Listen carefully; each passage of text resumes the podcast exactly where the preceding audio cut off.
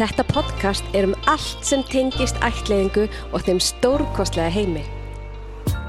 Ragnheiður Lára Guðrúnadóttir er félagsráðgjafi og starfar sem teimistjóri í ráðgjafar og meðferrateimi á geðheilsumistu barna. Ásett því eru ráðgjafi og eigandi á fyrirtækinu sínu tvö heimili.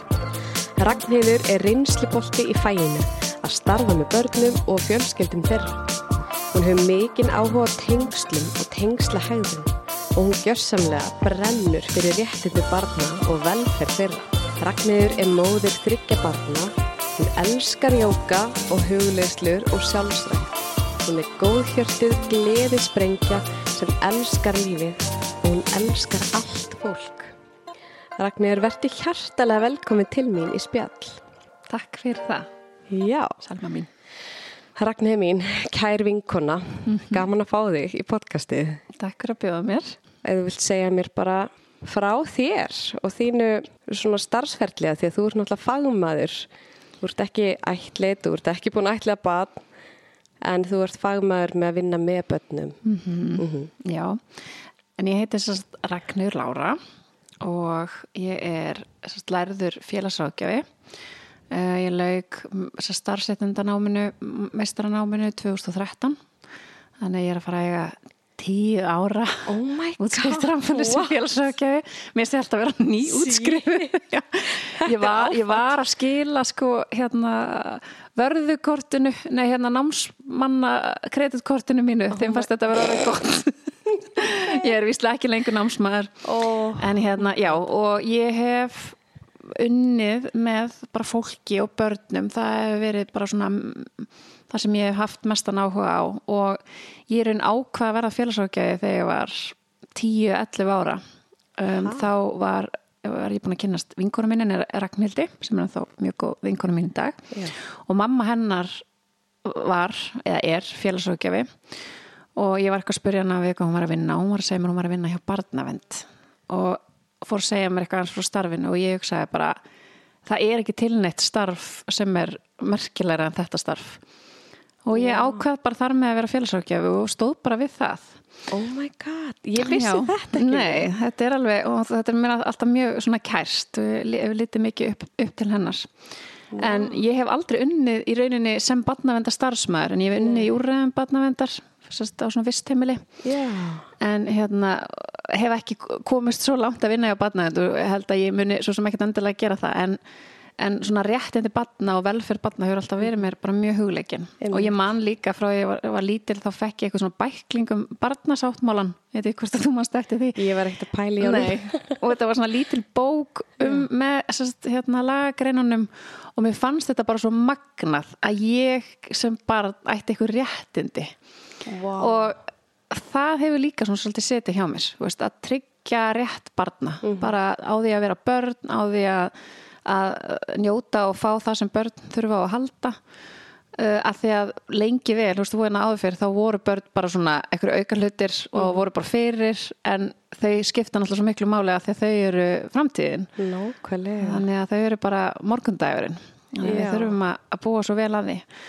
Um, þannig að ég hef starfa líka með hérna geðföllum bara, mér finnst bara ótrúlega gaman að vinna með fólki Mhm.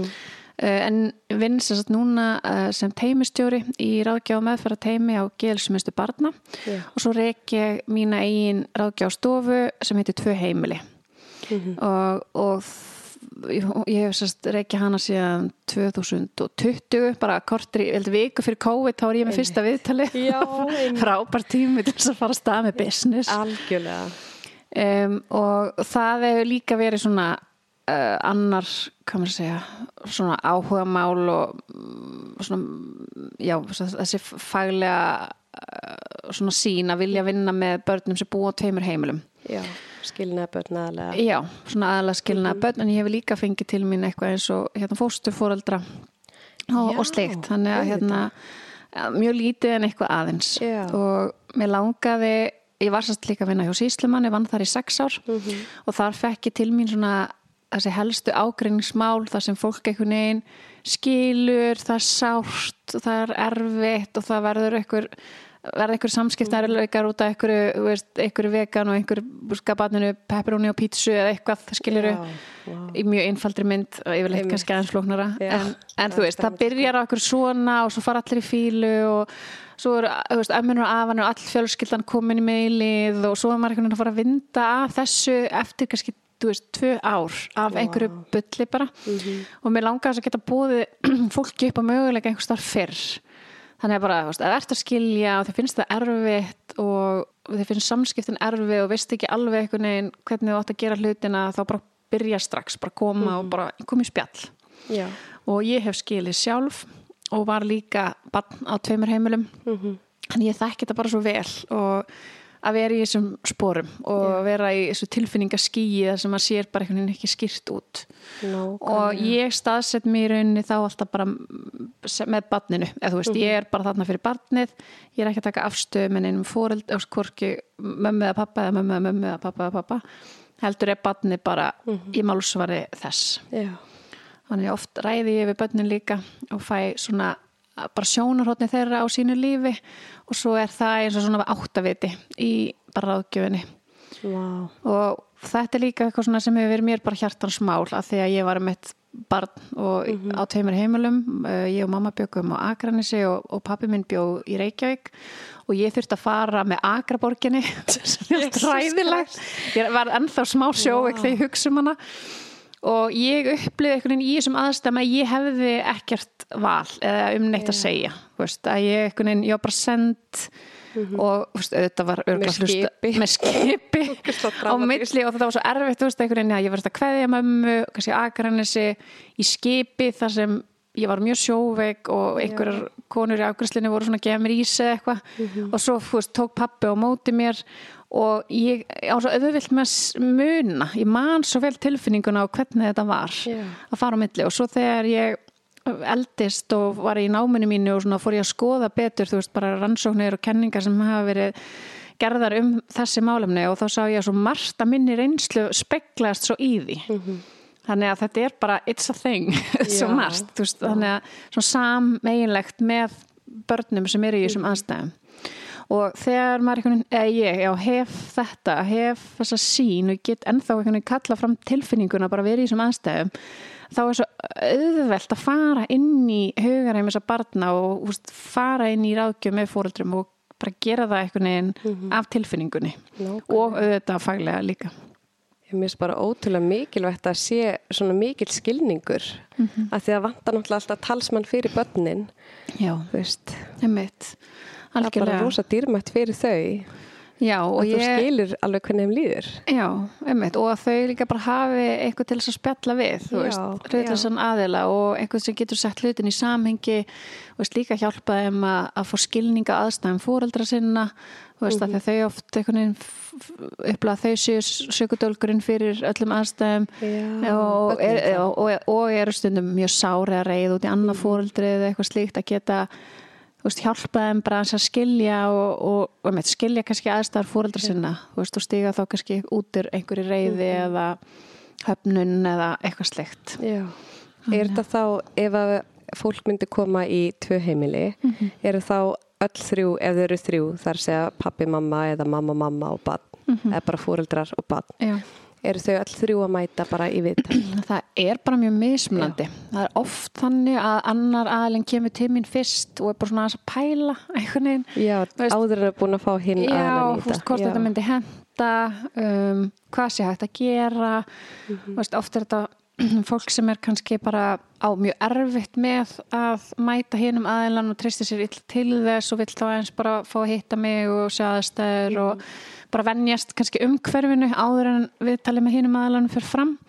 En ég reyndar er vill alltaf gera það síðan þannig að bjóða þú hinum aðeilanum líka að koma einum. Þannig að það er oft þannig að fóreldrar komið ykkur einir svo koma þær saman og ég lít svo á að fyrstu viðtölin eru svona ákveðin upplýsingaöflun veist, ég er að kynast þeim og þau eru að kynast mér og ég er að reyna að átta mig bara á stöðinni og svo fyrir við að vinna Já. Já. þannig að upplýsingaöflunin getur verið við veist, fóreldrana saman eða fóreldrin sér ykkur lægi og svo saman og við barnið, þú veist, það getur kannski verið fjögur viðtal og þá maður komið eitthvað mynd og þá getur maður að fara að vinna áfram Já. stundum koma fóreldrar til mér bara í kannski eitt, tvö viðtöl í bara ráðgjöf eru með eitthvað ákveðin hlut sem, eða ákveðin topic sem þau eru að reyna uh, átt að segja eins á og er ekki sammála um hvernig hérna, hlutin er að vera og vilja fá bara svona að spekla það í einhverjum öðrum og þá getur maður svona lagt veist, gefi fólki svolítið svona verkfæra kistuna bara Já. í þessum aðstæðum bara hvað er gott að hafa í huga hvernig er gott að vera í samskiptum veist, hvar á að vera í samskiptum um hvað, hvernig á mörkin að vera, þú veist, fara hans í það að því það er mismunandi á milli fólks hvaða mörk maður vill hafa og það er líka Já. mismunandi á tímapunktum skilur upp bara hve- hvernig manni sjálfu líður eftir því hvað, það hefur áhrif á hvað mörk maður setur. Mhm. þannig að, að já, stundum er fólk að koma bara og svona, ég er svona að- setja þau bara í stellingar Já, skilur já, fyrir hérna framhaldinu. Og svo fer það bara stað og reynir að gera þetta eins vel og það getur með, Já. verk, með þessa verkværa tösku með sér. Og svo kemur það kannski til mín eftir eitthvað tíma og þá er komið eitthvað- eitthvað nýtt. En þá er það líka að eiga aðgengi að einhverjum. Veist, í stað þess að, að það fara allt í bál og brand út af einhverjum samskiptum að það bara er bara panta tími hjá, hjá mér, þau koma bara, við leysum úr svo, svo fara þau Er þetta ekki, að- ekki að reynast ógeðslega vel? Ég allavega veit ekki betur. Að ég er alveg búin að heyra þetta sko út um allan bæ Já. að fólk er að mæla með tvö heimili sko. Já, bara koma því á framfæri. Já, en gaman að heyra. hérna en ég er bara svona, ég er náttúrulega ekki skili sjálf. Þannig að mér finnst þetta mjög áhugavert Mhm. að því maður sér þetta mikið í kringu sig. Bara það er svo mikilvægt fyrir börnin og alla fjölskylduna að þetta sé gert í eins góðu er og sé góð samvinna. Mhm. en hver er svona besta svona lausnin í þessu að skilja á farsælan veg einhvern veginn. Sko það eru þetta klísjan þannig að súrefni skríman fyrst á sig. Já, Eh, Það er bara svolítið það, þú veist, ma ef manni líður illa bara almennt þá er þetta er maður ekkert í góðu standi til að eiga í góðum samskiptum eða sína kærleika eða, eða neitt, skilur við, Nei. því að það bara viðbröðum manns byggjast á því á manns eins líðan. Þannig að það er alltaf þessi þetta fyrsta skref, hlúðu að þér. Og, og svo er það að til dæmis ef að það eru mikið tilfinningum og særundum að, að ákveða það að ræða bara um það sem við kemur barninu. Já, og að svona að ákveða fyrirfram að leyfa sér að setja mörg af kærleika. Og ég tala um, kalli þetta svona að veifa rauða hjartaspilinu og segja svo að við varum að skilja og, og ég er eitthvað hérna að segja þér að, að hérna Gunni Littli hafi glemt íþróttadótinu og, og þú byrjar að segja eitthvað leðilegt um mig um, eða segja bara já, þú, getur aldrei passa neitt og hvað segir hann hann að nýju kæristiðin, hvað finnst honum þetta eitthvað slíkt að geta þá Já. í kærleik í staðins fyrir að hoppa með þér í gröfina? Svona, herðu, við vorum búin að ákveða að við ætlum bara að tala um það sem við ekki um barninu, Mhm. þið ekki vænt um þig og mér langar að ég að góð samskipti við þig og getum við haldið því? Já, þú veist, í staðins fyrir að segja þú, þú talar ekki svona um mig eða eitthvað sem eru að setja mörg líka og við, ge- Nákvæmlega. maður getur sett mörg á þann hátt Já. en ég allavega veist, finn það sjálf að þegar ég næ að setja mörg á virðingaríkan og kærleiksríkan hátt þá gefur það mér sjálfri mest. Veist, það fyrir mér allavega að, að hérna, setja öðru mörg í einhver svona leiðindum, það tekur mestu orkuna frá mér og setur illa eftir í mér. Já og svo hefur það auðvitað líka áhrif á barnið. Já, og það, þú veist, fólk þú veist, við erum manneskjur og við erum mannleg og við erum að gera mistöku og við erum með tilfinningar og við erum bara alls konar og okkur verður á og það er svo eðlilegt Já. að líka bara einhvern veginn að hjálpast að þá í þessu, í stæði þess að stökka saman einhvern veginn onni hildibið þú veist, ég talast um að þetta séu svona þú veist, í þessu, þú veist, í ákveðnum hjólfurum og það er ótrúlega mikið af hólum í veginum í svona fóröldarsamstöri mm veist, það er peningar það er mataræði það er hérna skjáttími, þú veist, það er endalaust, þú veist, yfirleitt þegar fólk kemur tími þá er það eitthvað ákveð það er tíu topp hlutir sem er yfirleitt bara svona það sem fólk er að koma að ræða og að vera þá bara búin að ákveða mitt hvernig ætlum við að leysa úr því þegar við erum ekki sammála. Í stæðin fyrir að fara bara í hóluna og vera bara veist, festur þar Nákvæmlega. að geta þá einhvern veginn komist upp úr henni. Já, og stundu kemst fólk ekki upp úr henni sjálft. Og það er bara eðlilegt, þú veist, maður næri ekkert alltaf að leysa úr öllum samskiptæruleikum og þá bara koma til mín. Nákvæmlega. Ég skal hjálpa ykkur. Það er gott að fara til þriðja aðila sem er svona óháður Já, og svona, en ég er rosalega forvitin. Ég veit ekki hvort þú sér búin að pæla mikið í því Mm. en ég með gruna það samt því að vinni við þetta. Hvað er svona aðal uh, rifrilda efnið tengt börnum? Það er ólík sjónarhótt á börn. Að að hérna annað fóreldri upplifir barni á ákveðin hátt og hitt fóreldri upplifir alls ekki þannig. Já, og það er ótrúlega áhugavert og það byggir líka því að börn sína oft bara ólíka hegðun við fóreldra sína. Og, og við þekkjum þetta líka veist, ég á eitt skilnaða barn og svo á ég tvö börn sem búa hjá mér og pappa sínum og þau sína mjög ólíka hegðun gagvart okkur fóreldrunum þó við séum bara hamingisum í hjónabandi. Ertu að minna þá gagvar þér og gagvar? Pappa, já. Ég tengi svo við þetta Já. mm, en svo þegar fólk skilur þú veist, þá ígjast svo myndin. Já, hegðunin. Og- Já, þú veist, þá ígjast, að að þetta er svona ákveð flæði, þú veist, þegar fóreldrar búa saman segjum að batni reyni meir á mömmu og það er oft þannig að þau væla meir í mömmu og hanga meir í mömmu og, og svo kemur pappi heim og það bara, fara að hátta og eitthvað og bara, bara já, batni er bara komið náttu þetta upp í rúm og ek ekkert múður Einmitt. veist, og hérna margir tengja kannski Af við hverju þetta er þetta svona? Ég er alveg bara að fæ svona inn í mér bara, ah, djöfullin. Þetta er bara En það sem dæmið. kemur svo oft hjá mér er þá, þú veist, pappin segir, já, þú er bara ekki nógu ákveðin og mamma segir bara, mamma segir, mamma segir, hann, hann þú er bara ekki að segja hvað hún finnst til þig, hann þú er bara því, ég veist, þetta, þetta, þetta er svona staðalmynd af samtali hjá mér, en það er eðlilegt að þau síni mismunandi hegðun og líðan, þú veist, hjá foreldrum, bæði, þú veist, sínaði það, en líka lesum við á ólíkan hátt í fólk og börn. Já. við lesum í fólk út frá okkar eigin mati.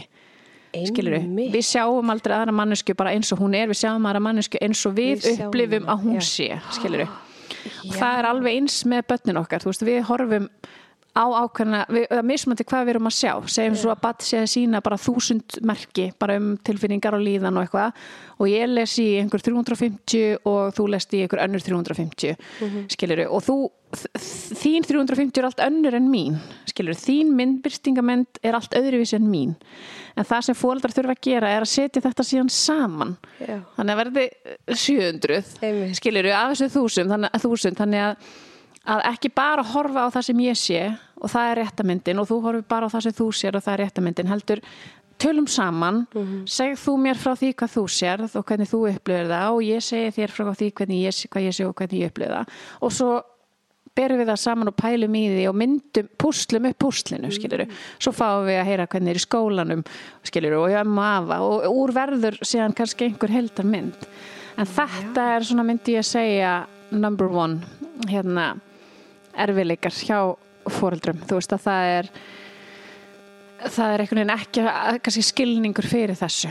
En börn sína líka bara mismunandi hegðun, þú veist, það er Já. líka þannig bara eftir því hjá hverju fóreldrið þau eru hjá hvað aðalega þau eru og það tala um svona börn sína ákveðna tengsla hegðun þú veist, þau eru að kalla, börn hafa þú veist, fullt, fullt af þörfum og þau kalla eftir þú veist, það er mismunandi hvað þau eru að kalla eftir hjá fóreldri Mhm. að þörfum þeirra sé mætt þannig að kannski, þú veist þar barni mitt og því að halda að ég mæti einhverjum ákveðnu þörfum og einhverjum öðrum þörfum hjá pappa veist, pappi mætir einhverjum öðru, öðrum þörfum en ég og þess vegna sýnir það mismunandi hegðun Já. við hegðum okkur uh, með það markmiði að það, þörfum okkar sé svarað mm -hmm. þörfum okkar á ást og umhyggju og nærveru og, og það allt saman Einmitt.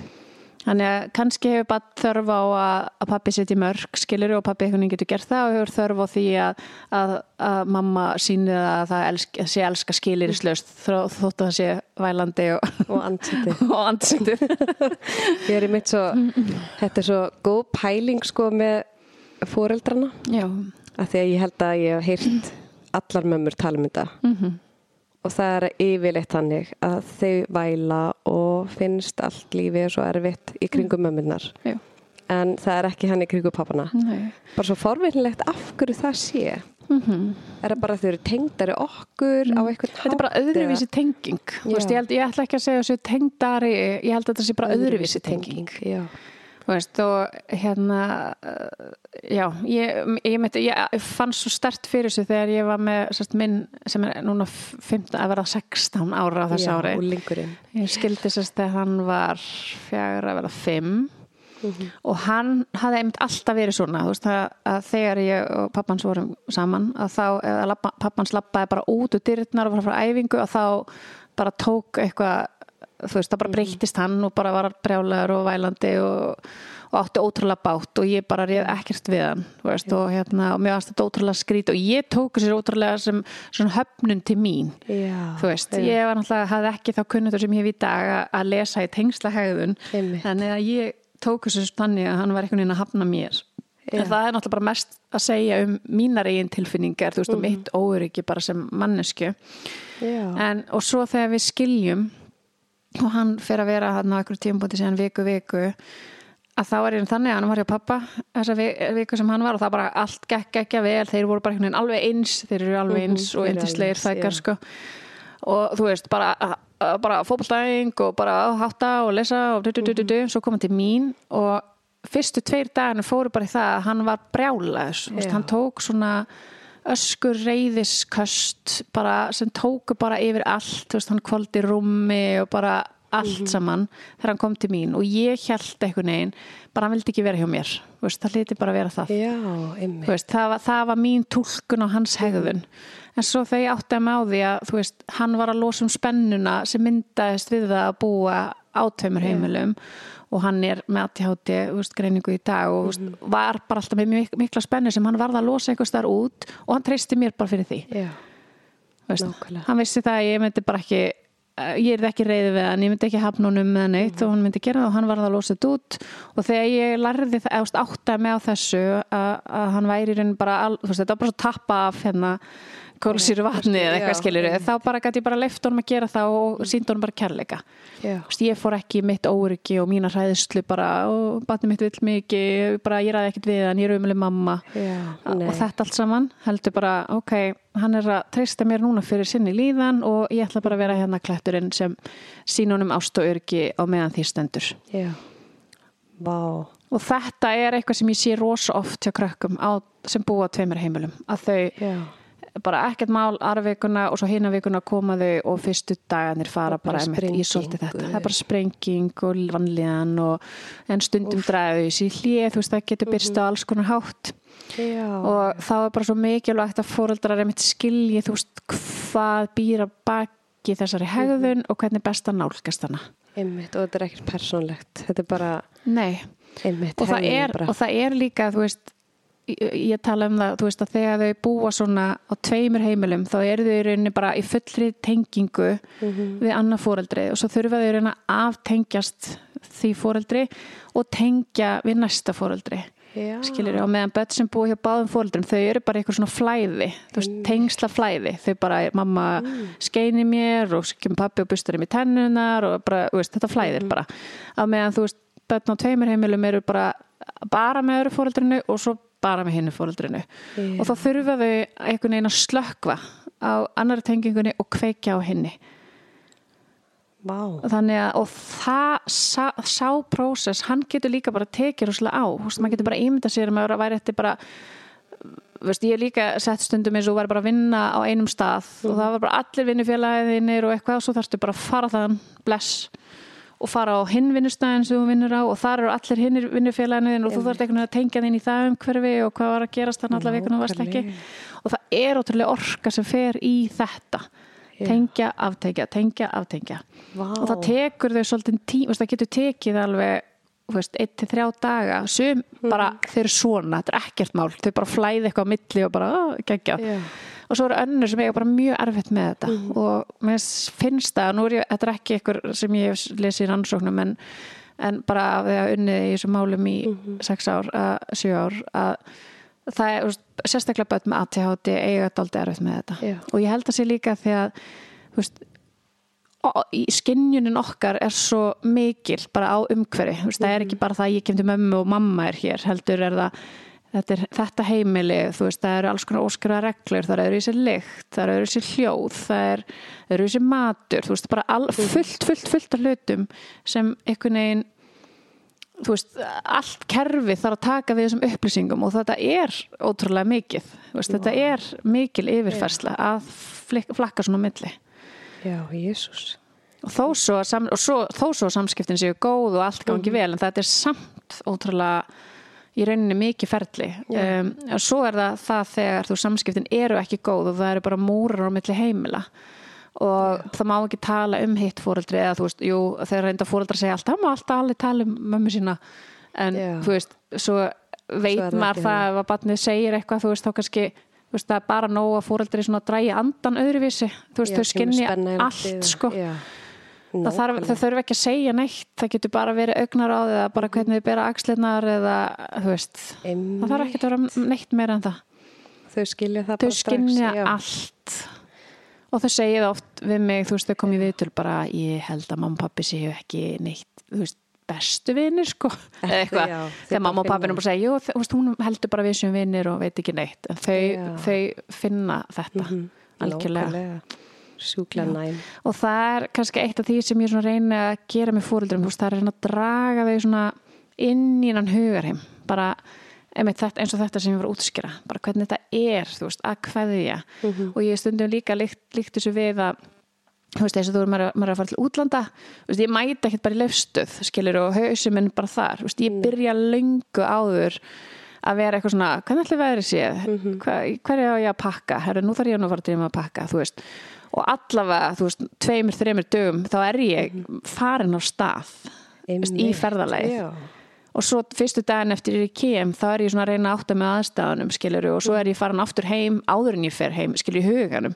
Og það er eins með þau, þú veist, þau eru að lenda kannski þarna fyrstu 1-3 dagana, svo eru þau skilur í 1-2 dag og svo eru þau aftur byrja að undirbúa sig að að aftengja og, og, veist, og hugsa um hvað er að fara að gerast á næsta heimili og þess vegna skiptir svo miklu máli að það sé svona, ég tala um svona að sé svona rauður þráður einhvern veginn í lífinu þeirra, að sé eitthvað samfella og, og hún lítur þannig út að, að til dæmis að fóreldri getur sagt við batni hérna, ég var að tala við pappaðinn og hann sagði mér að þegar þú kemur þá eru þið að fara hérna í leikús og þú veist, búa til þessa Já. tengingu, búa til þetta flæði Vá. Og veist, það þau hafi dagatal þau hafi myndir af henni fóreldruna Mhm. á heimilum sínu og svona vill aðeins brjóta einhvern veginn upp þessa veggi, þú veist, þetta sé ekki kaplaskipt Nákvæmlega. og svo er það, þú veist, þetta samskipti fóreldra, þú veist, sem eru oft bara ekki góð og fóreldrar, þú veist, stundum er ekkert endilega einhver ósætti en það er ekkert verið að bera neinar upplýsingar á milli heimilana Já. þannig að þú, sko þegar þú horfir á badni þitt og ert að reyna að átta þig á þig úst, hvaða þarfir hann hefur, þá ert ekki bara að horfa akkurat að núna, þú ert líka að hugsa um úst, hvernig svaf hann í gær, þú veist, hvað borðaði hann? Og þegar okkur vantar skiluru kannski heila viku alltaf, Já. að þá erum við ekki jafn fær um að mæta þörfum barnan okkar og ef við hefðum þær upplýsingar. Og ég líki svo stundum við það, þú veist, að ef þú verður að lesa bók og myndir bara að lesa annarkvæmt kabla Já. og svo ættir að fara að segja mér sérst, um hvað bókin væri.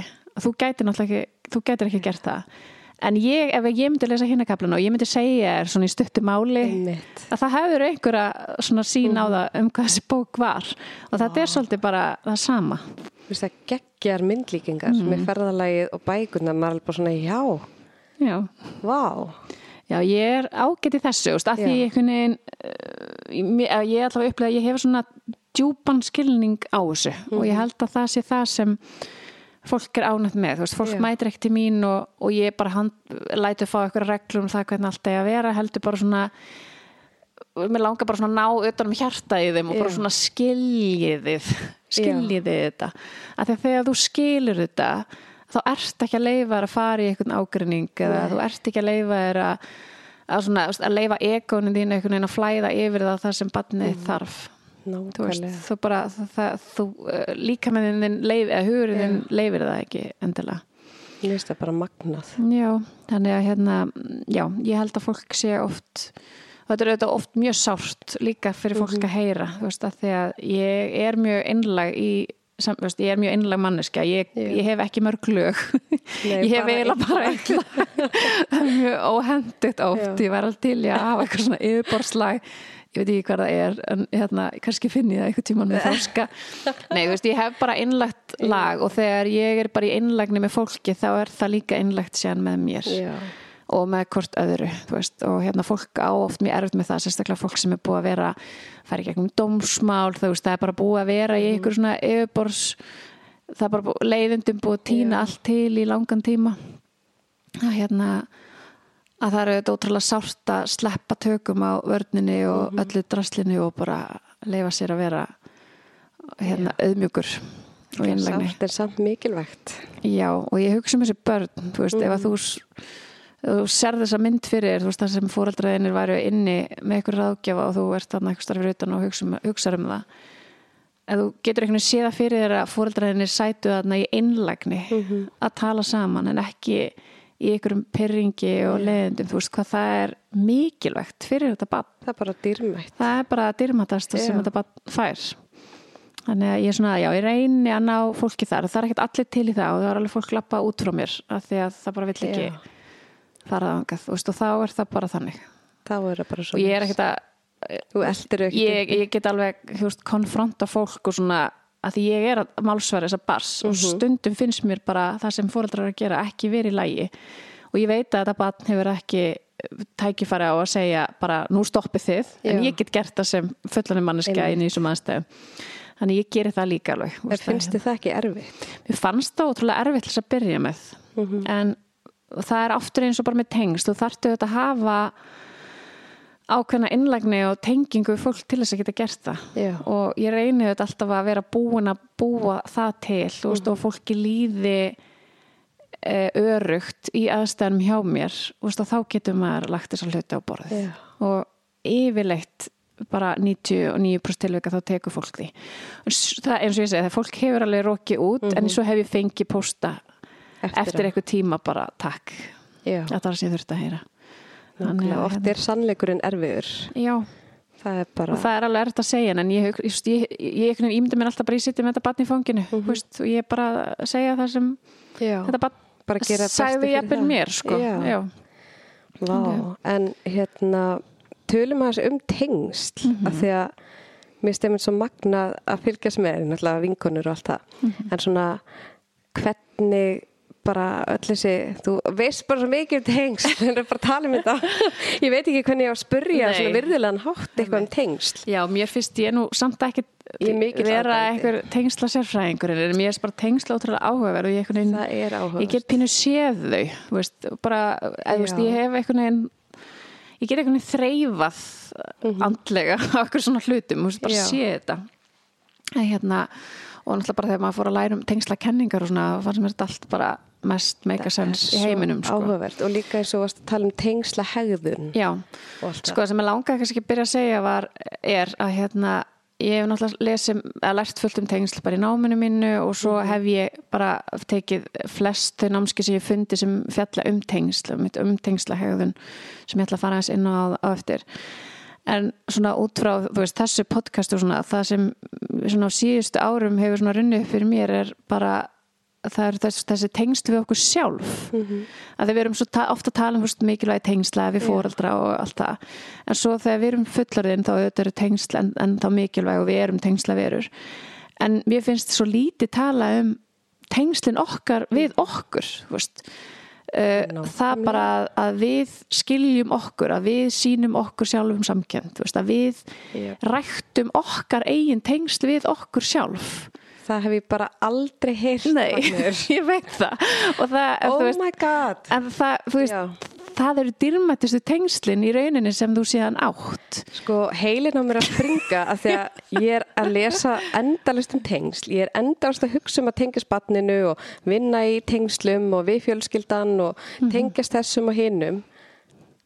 Og já, en, En en ræktur tengslin við sjálfa þig ég veit ekki. Nei. Ég veit ekki hvort ég sé að gera það, sko. Nei, en það var hérna, eitthvað huglisla sem ég hlusta á sem var eitthvað svona um hérna að finna svona wholeness með Já. sjálfum sér og þá sá ég bara ringin bara tengslin við okkur sjálf við erum alltaf einhvern veginn út á við ég var að tengjast þessu Já. hérna hjónabandinu, við fóreldra okkar við vinkornur okkar, alltaf að horfa all samböndin og samskiptin en svo bara við sjálf fyrir okkur sjálf Já. bara, veist hvað, hvað mér finnst um mig sjálfa og þú veist, við erum oft í ykkur skömm og við erum oft í ykkur höfnun og til alls konar tilfinningum sem við erum ekki svona að horfast í við veist, og að þið verum alltaf að horfa út á við en ekki inn á við.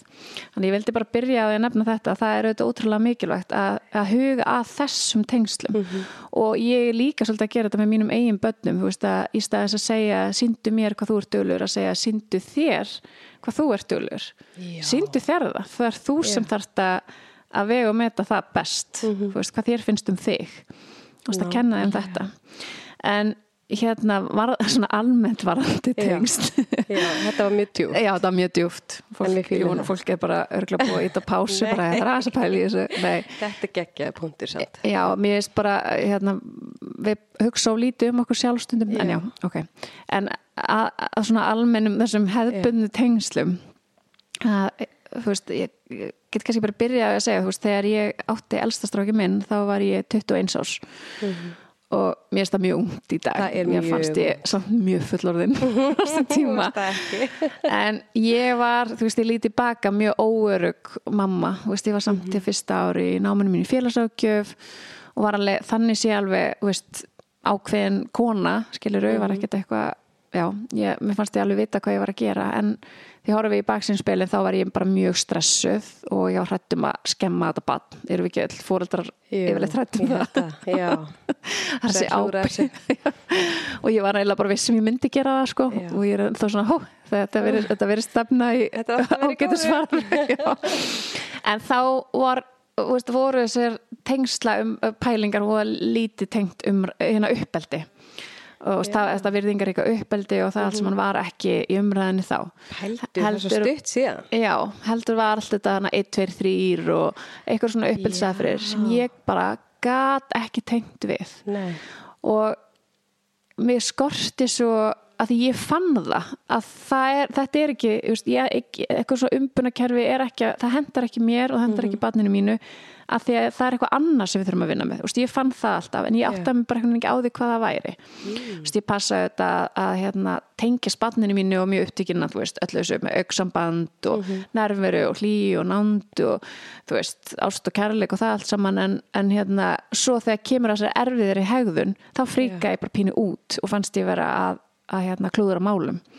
Um, svo náttúrulega kemur hérna, öll þessi umræðum ræ og verðingar eitt tengsla uppeldi og, og hérna og svo fyrir ég að læra um hérna DAM, DMM tengslamótilið um, sem er svona skimunar tæki í að meta tengsla hegðun Já. og þegar ég fór að sökka mér hún í það áttæði mig á því þú veist, öll hegðun sem við sýnum er í rauninni tengsla hegðun við erum alltaf að hegða okkur á eitthvað hátt eftir að því við þurfum einhverja svörun sem mætir okkar tengsla þörfum Bara börn og fullan. Já, allir, Allir. allir. Og þessi módel, sérst DMM er sérst bæði fyrir svona tollir sem er bara mjög ung börn og svo börn á skólaaldri og svo alveg fullorna. Og það, þú veist, þegar ég lærði fyrst um DMM tengslamódeli þá sprakk eitthvað inn í mér og það bara allt sem ég hafi skinnjað og skilið og lesið það meikaði bara sens. Já. og í rauninni fjallar þetta um það að, að, að þetta er tengsla hegðun eru skiptnir í ABC að þetta er frekar flóki módel og ég er ekki þú veist, langskóla gengin í þessu skilur en ég er svona ágætlega fær að að, hérna, nota það. Já. og, og svona geta segja, haft þessi maður tala um kannski að hafa þessi tengsla gleru á sér. Veist, þegar maður er að, nálgast mál og skjólstæðinga og bara fólk. Og í rauninni, þú veist, B tengslahegðun, það er þá veist, hegðun sem manneska sýnir sem er í örgum tengslum. Þú veist, og það er eitthvað svona kvarði á því. Veist, að það er bara hérna getur, veist, ef það kemur eitthvað upp að getur tekist ágætlega við það þú veist, svo við erum að tala saman og þú segir hérna, nei, Ragnar, þetta gengur ekki að þá segir bara, já, æ, ok, skilur Já. að það er svona, það er svona jafnvægi eðlilegt, já. og svo er það A tengslahegðun og það er svona meira svona passív það er margir flokkar síðan þarna undir Já. það er svona mjög passív hegðun og það er kannski fólk sem hefur þú veist, ólst uppi það að veist, tilfinningar þeirra voru ekki relevant eðskilur þú veist, þeim leiði einhvern veginn en mamma og pappa sögðu nei, þér, þetta er ekkit leiðilegt eða Já. þér líður ekki svona veist, eitthvað slíkt og það er fólk sem er kannski mjög meðvirt og bara mjög svona bælda tilfinningu eða af, jafnvel getur farið út, út í það að vera bara aftengt eigin tilfinningum, bara finna ekki tilfinningar veist, og það er þá fólk sem er svo mjög passíft, þú veist, þarf að hafa allt kannski undir kontról Mhm. hlutunum og ekkert út að bræða og svo er það sétengsla hegðun sem getur verið bara svo mjög veist, að það er allir skalindir um nokkri skalar á þessari hegðun. Á, á, þetta er svona hjól. Já, að hérna, sétengsla hegðun það er svolítið svona aggressív þú veist, þurfa að sækja aðtekli og fer alveg upp í kannski mjög uh, hátt á þeim skala en líka hluta því er kannski svona ADHD hegðun. Þú veist, og að því að ADHD hegðun getur líka verið, þú ert svo það er svo mikið í gangi, ert svo mikið að reyna að lesa í allar aðstæðar þegar þú þarft að á eitthvað nákvæm hátt til þess að fá þá svörun sem þú þarft til þess að vera elskaður veist, og mikið að hugsunum um það hvort þú sért nógu góður, hvort að það að þú ert að gera sér nógu gott og það trublar auðvitað bara það sem þú ert að gera skilur og getur byrst sem þú veist. og, og það er hérna félagsrækja hérna, nafna mín Ragnur Björg held minnir hún heitir sem er bara, hún er með sest, fyrirtæki sem þetta tengslamat og hún hefur verið sest, að innlega þetta svolítið hinga til Íslands, hún bæði verið að kenna um tengslamótir í háskólanum Já. og svo byrja upp á námskeið og annað. Og þetta er magnað Já. algjörlega. Og það er hægt að fara bara á neti og skoða þetta matstæki já, og jafnvel staðsetja sig inn í það. Og ég gæti staðsett sjálf mig, þú veist, Ok. þar og það kendi mér ótrúlega margt, veist, þá skildi ég margt bara í minni hegðun og minni líðan veist, og þá gæti ég einhvern veginn ef maður skilur það, þá getur maður einhvern veginn líka Já. bara svona lagt að eitthvað staðar síðan frá sér á endanum og, og hérna, og kvilt sér frá því, sko. Um, þannig að ég mæli með því að skoða þetta. En og, og sérst, svo er gert uh, tengsla sérst, þú notar þetta matstæki og getur gert það, nota það þegar þú ert bara í viðtölum ánum með fólki en þetta er í rauninni til þess að meta tengsl að þá er ákveð svona prótokoll og þá er, uh, sérst, er, er tekið upp myndband af fóreldri með badni í heldur í fimm mínútur þar sem badni leikur með fóreldri og svo sérst á að trubla mm -hmm. annarkvæmst trublaði leikurinn eða sérst fóreldri þarf að stoppa leikin og taka pásu í mínútu og svo kemur svona repair þú veist þannig að hérna og, og þá er maður að horfa á það veist, hvernig fóreldurinn teksta að stoppa leikin, stöðva leikin og halda þeim mörgum og barni verður þetta sárt og fúlt og, og eitthvað svo leiðis og svo hvernig það fer aftur inn í leikin og þú getur í rauninni bara tekið upp þetta 500 myndband, hort á þetta og þá getur bara metið tengsl. Býtu, ok. Ég nefnilega fór á eitt námskeið endumöntun Háskóla Íslands. Já, og mér minnir að ég hafi séð eitthvað svona Já hún hefur verið, hún hefur allavega verið með námskeið þar sko. það var eitthvað, eitthvað svona um tengsla vanda og eitthvað svona dæmi Já. og það voru svona vídeo af hérna mömmum með Já, börnunum já, sínum þetta er- var það ekki Ragnur bara sem var að kenna ég man náttúrulega ekki nöfn á hún en það var svo merkilegt Já. að skoða þessi vídeo Já. að því sumt var alveg bara grillað Já. bara leku ekki börnin svona við hæfi við aldur eða Nei. Þetta og þú veist, hérna, það sem maður sér kannski, veist, eh, segjum svo barni og, og fóreldrar að leika svo stoppar fóreldri leikin og barni bara k- kúst, fer bara tilbaka og sínur engi viðbröð, þú veist, þá er það allir með þessi a-hæðun, þú veist, það sem Já. ég er að tala um þess að barni er bara passíft, það er hrætt það er bara óörugt, það veit ekki hvað er að að gerast því það er kannski búið að búa við mjög óörug tengsl, þú veist, það veit það er svo mikil ófyrsjónleiki Já. í viðbröðum fóreldris og svo þú veist það sem að barni verður alveg styrlað þú veist alveg brjálað bara ræðist og fóreldrið og eitthvað þá er það allir með svona sé tengsla hegðun Já. þú veist það sem er hérna mjög svona aggressív viðbröð og það er hægt að sest, bara meta tengsl barns og fóreldris og það er einu áhættu þetta er að meta áhættu í tengslum. Og þar sem er, þetta hefur verið dæmis í barnaðandamálum þar sem að það er talin vera áhætti í tengslum og veist, þegar áhættan fer yfir og það er gefin ykkur ákveðin stig veist, þá er mögulega ekki hægt að bara bjarga þessu tengslasambandi og barninu bara betur borgi einhverstað annars þar Vá. en það er náttúrulega í svona, svona algjörlega, algjörlega ekstrím Mm. aðstæðum en það sem er svo gott þetta, við svona matstæki er að, að þú veist þá er þetta að meta og þá er þetta að finna út hva, hvað þarf að vinna með Já. Það er auðvitað svolítið erfitt bara með þetta tengsl bara með þú veist að þú kemur hérna bara til mín í viðtala og bara eitthvað já svo er hérna tengja spanninu mínu og svo ræði við það eitthvað. En ef ég get bara sé þig og barnið saman og styrt einhverjum ákveðum aðstæðan sem þið gerir og sé hvernig barnið bregst við hvernig þú bregst, við viðbröðum barsins að þá farmar það bara svolítið skýrt fram Já. hvernig það er. Vá, er merkilegt. að þetta er alveg magnað og svo þú veist þessi eh, veist, að að- já, þetta, er, er matstæki sem metur á þetta í tengslum en þessi, hvað maður segja þessi vitneska eða þú veist allt, allt, allt sem býr inn í þessu móteli gefur manni bara svona ákveðin glerugu á bara viðbröðum fólks og af hverju fólk haga sér eins og það er og þá, þú veist, eins og núna ef ég manneski kemur tímulni við, viðtal og hún er bara mjög aggressív og æst þú veist þá get ég einhvern veginn bara svona já hún er þannig í sétengslahæðun, hún er Já. óörög, skilur hún er eitthvað mögulega og veist, bjófið þannig hérna aðbúnað sjálf við æsku og þá get ég fúst, nálgast á einhvern annan hátt heldur en að vera þú veist, verð þú ekki dónalega við mig, heldur bara að hérna, gefið í manneskunni skilning og samkend og reynda að róa niður aðstæðanar og, og veitinni öryggi. Veist, að Já. þetta hjálpar manni svo í að lesa í aðstæður og að lesa í fólk Einmitt. og eins í börnin sín. Og það er svo ótrúlega margt hérna í þessum fræðum líka bara hvernig þú getur sko bara hort á barn bara vera að gera eitthvað hlut og séð bara líkamstjáninguna þess séð hvernig það horfir í kringum sig og þannig metið líðan þess og mögulega aðstæður sko.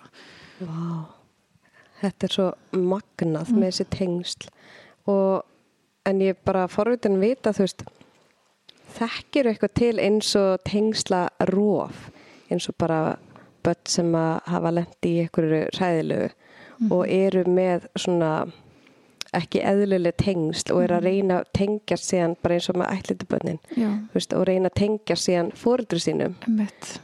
Þetta er náttúrulega svo magnað að fylgjast með því Já, þegar maður var að upplifa það sjálfur. Já, bara að fá batni í hendunar og sjá tengslarofið Já. Þú veist, að því þá er með einhverju hegðun það er svona, það er hrætt, það er með alla, ég veit ekki, C, D, Ö í skalanum, örgla skilurðu. mjög mikið séhæðun sko Já, og Alltaf ég man eftir þínum, Mhm. þínum lildring, þú veist að það var svona Já. mikil séhæðun, einmitt, þú veist að bara mjög mikið óöryggi í tengslum, eðlilega, bara, er, ég held þú gangir ekkert í gegnum stærri hlut, skilur heldur en aðskilna við aðala og þurfa að tengjast nýjum. Ég sé oft fyrir mig bara svona eins og í avatar, þú veist, þetta er. Nei, veist, þetta er bara ótrúlega erfitt skilur þú veist, veit bara lítið kríli og, og þú hefur ekki skilning þú þú hefur ekki heilan þroskan skilur í Já. að skilja aðstæðuna sem þú ert í og þú hefur ekki fólk til þess að útskýra fyrir það er náttúrulega ekki hægt að útskýra fyrir þér Nei. og eina sem þú held, ég held að þú skiljir er bara svona consistency, skilur Mhm. að þeir sé mætt þú veist, af kærleika og umbröðlindi og þú veist, skilur slausri ást alltaf einmitt, þú veist, Sama í, hvernig sama er. hvernig hegðunin er þeir eru bara mætt á þann hátt og svo er þeir bara kent, skilur hvernig þú átt að hegða af því að þú kannski veist það ekki því þú hefur ekki fengið viðunandi speklun, ég meina börn nákvæmlega.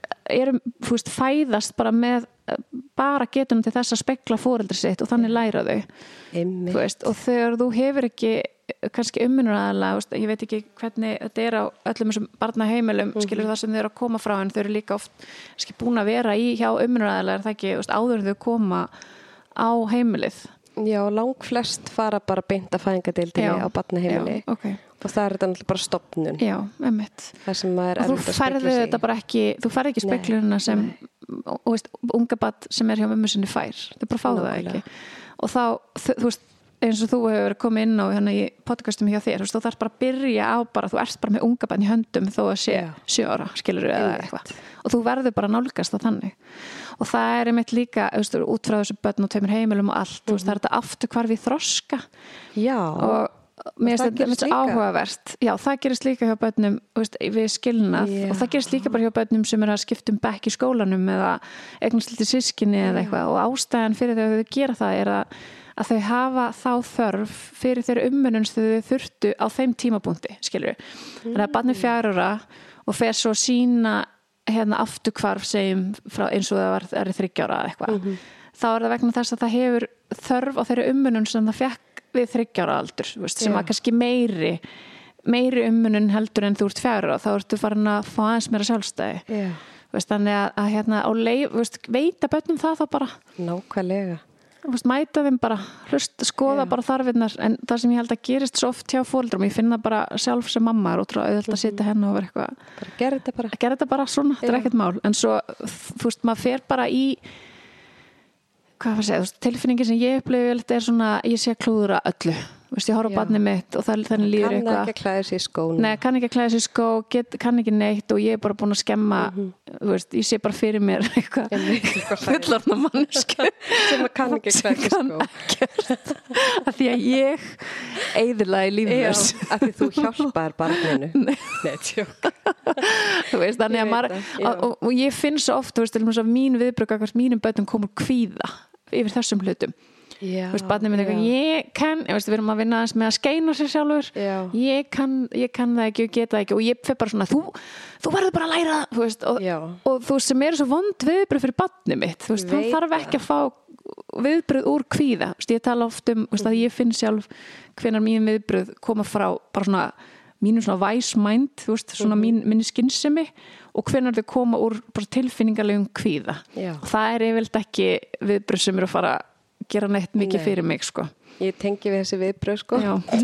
en ég held að sé svo eðlilegt þegar maður er fóreldri þú veist, að maður er bara allt í hennu bara búm, bara komin í þetta Já, þetta er líka bara svo, já, það er mjög gott að tala um þetta sem maður sé ekki eins og, eins og maður sjálfur bara eitthvað gjörsamlega ófullkomin. og ég, já, en, þú veist, þetta Ég- er alveg já. bara, já, Jam, jam. jam, jam, jam.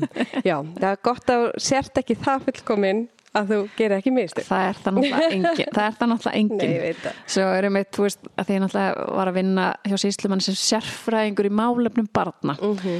og svo var ég að fara okkur uppeldisnámskeið og það var einmitt vera, oft, vera að gera grína mér. Já, varðandi það þú veist, áttu ekki að vera sérfræðingur í Já, málum barna og svo, svo situr maður eitthvað upp með það og maður, manni finnst maður að vera að klúðra öllum með börnin sín og maður er bara ef einhver á viti þetta þá er það ég. Já.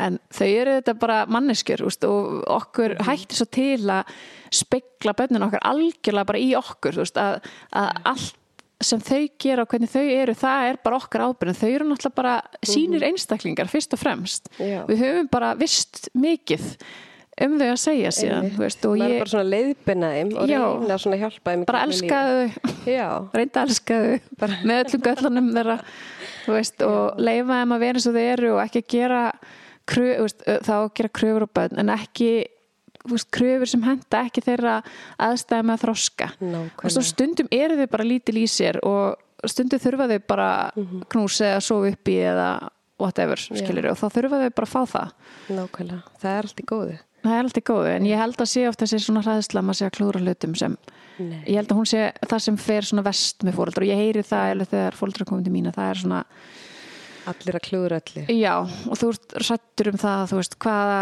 hvaða, þú veist hvað, hvað viðbröðst að fara að sína batninu þínu þú veist, batnið fær bara Mhm. einhvern veginn, mamma er bara, mér finnst ég umulegur þú veist, ég kann ekkert eitthvað, Og það er náttúrulega vest, sko. já, en það Það er það ekki. nei, En en þess vegna eru tengslum við okkur sjálf svo þau mikilvæg eru mjög mikilvæg. En þegar við getum skilið okkur sjálf og sínt okkur samkend og fyndi bara, wow, herði, þarna er ég, ég finna að þetta veldur mér kvíða, að barnið Já. mitt kann ekki að skeina Já, sér einmitt.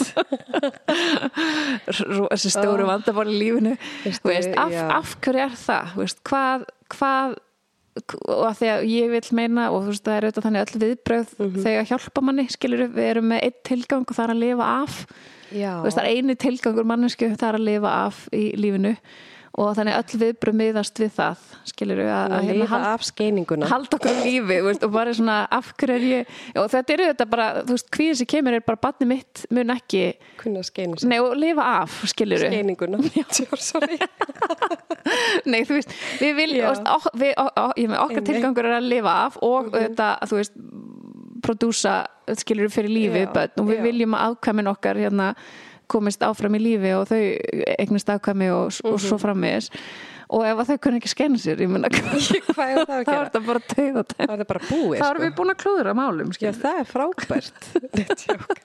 En samt þessar skeiningar, sko, að ég er svo mikið að tengja þetta. Er Svo mikið vandamál heima að hérna, hún er fyrst bara svo ógeðisleg. Að þú veist, það er bara Fengi hann fast. verður bara 25 ára og ég verð já, annað þessu við verðum bara Selma Já. saman með Já. sín, svo finnst mér þetta eitthvað ég veit ekki hvert það er eitthvað sérstaklega því ég á sinni skilur ég á Já. stráka og mér finnst einhvern veginn bara menn oft svo ósjálfberga bara þeir eru það samt og ég vil svo ekki ég, ég, ég upplifði svo mikla ábyrgð að skila þessu vel á mér til samfélagsins.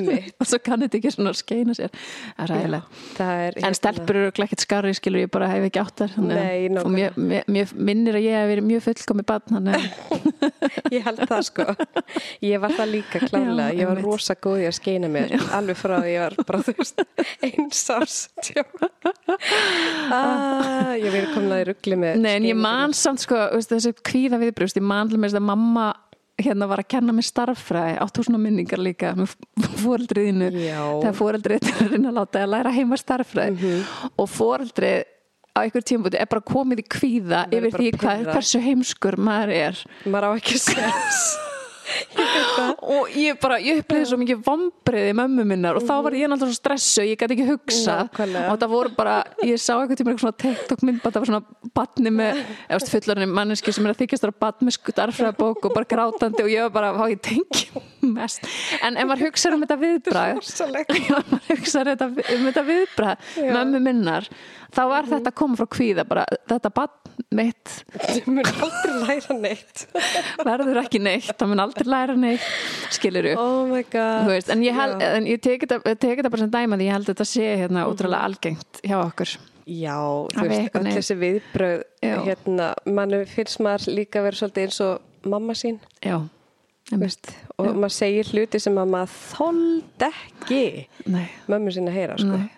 Svo er maður eitthvað bara, bara það er þessi djöfull. spek- það er þessi Já, þessi speklun, við náttúrulega bara lærum veist, og hérna ég var að segja þér hérna áðan, áðan ára við byrjum að taka upp að ég með kísu sem var regna skettlinga og það er bara svo magna að fylgjast með henni.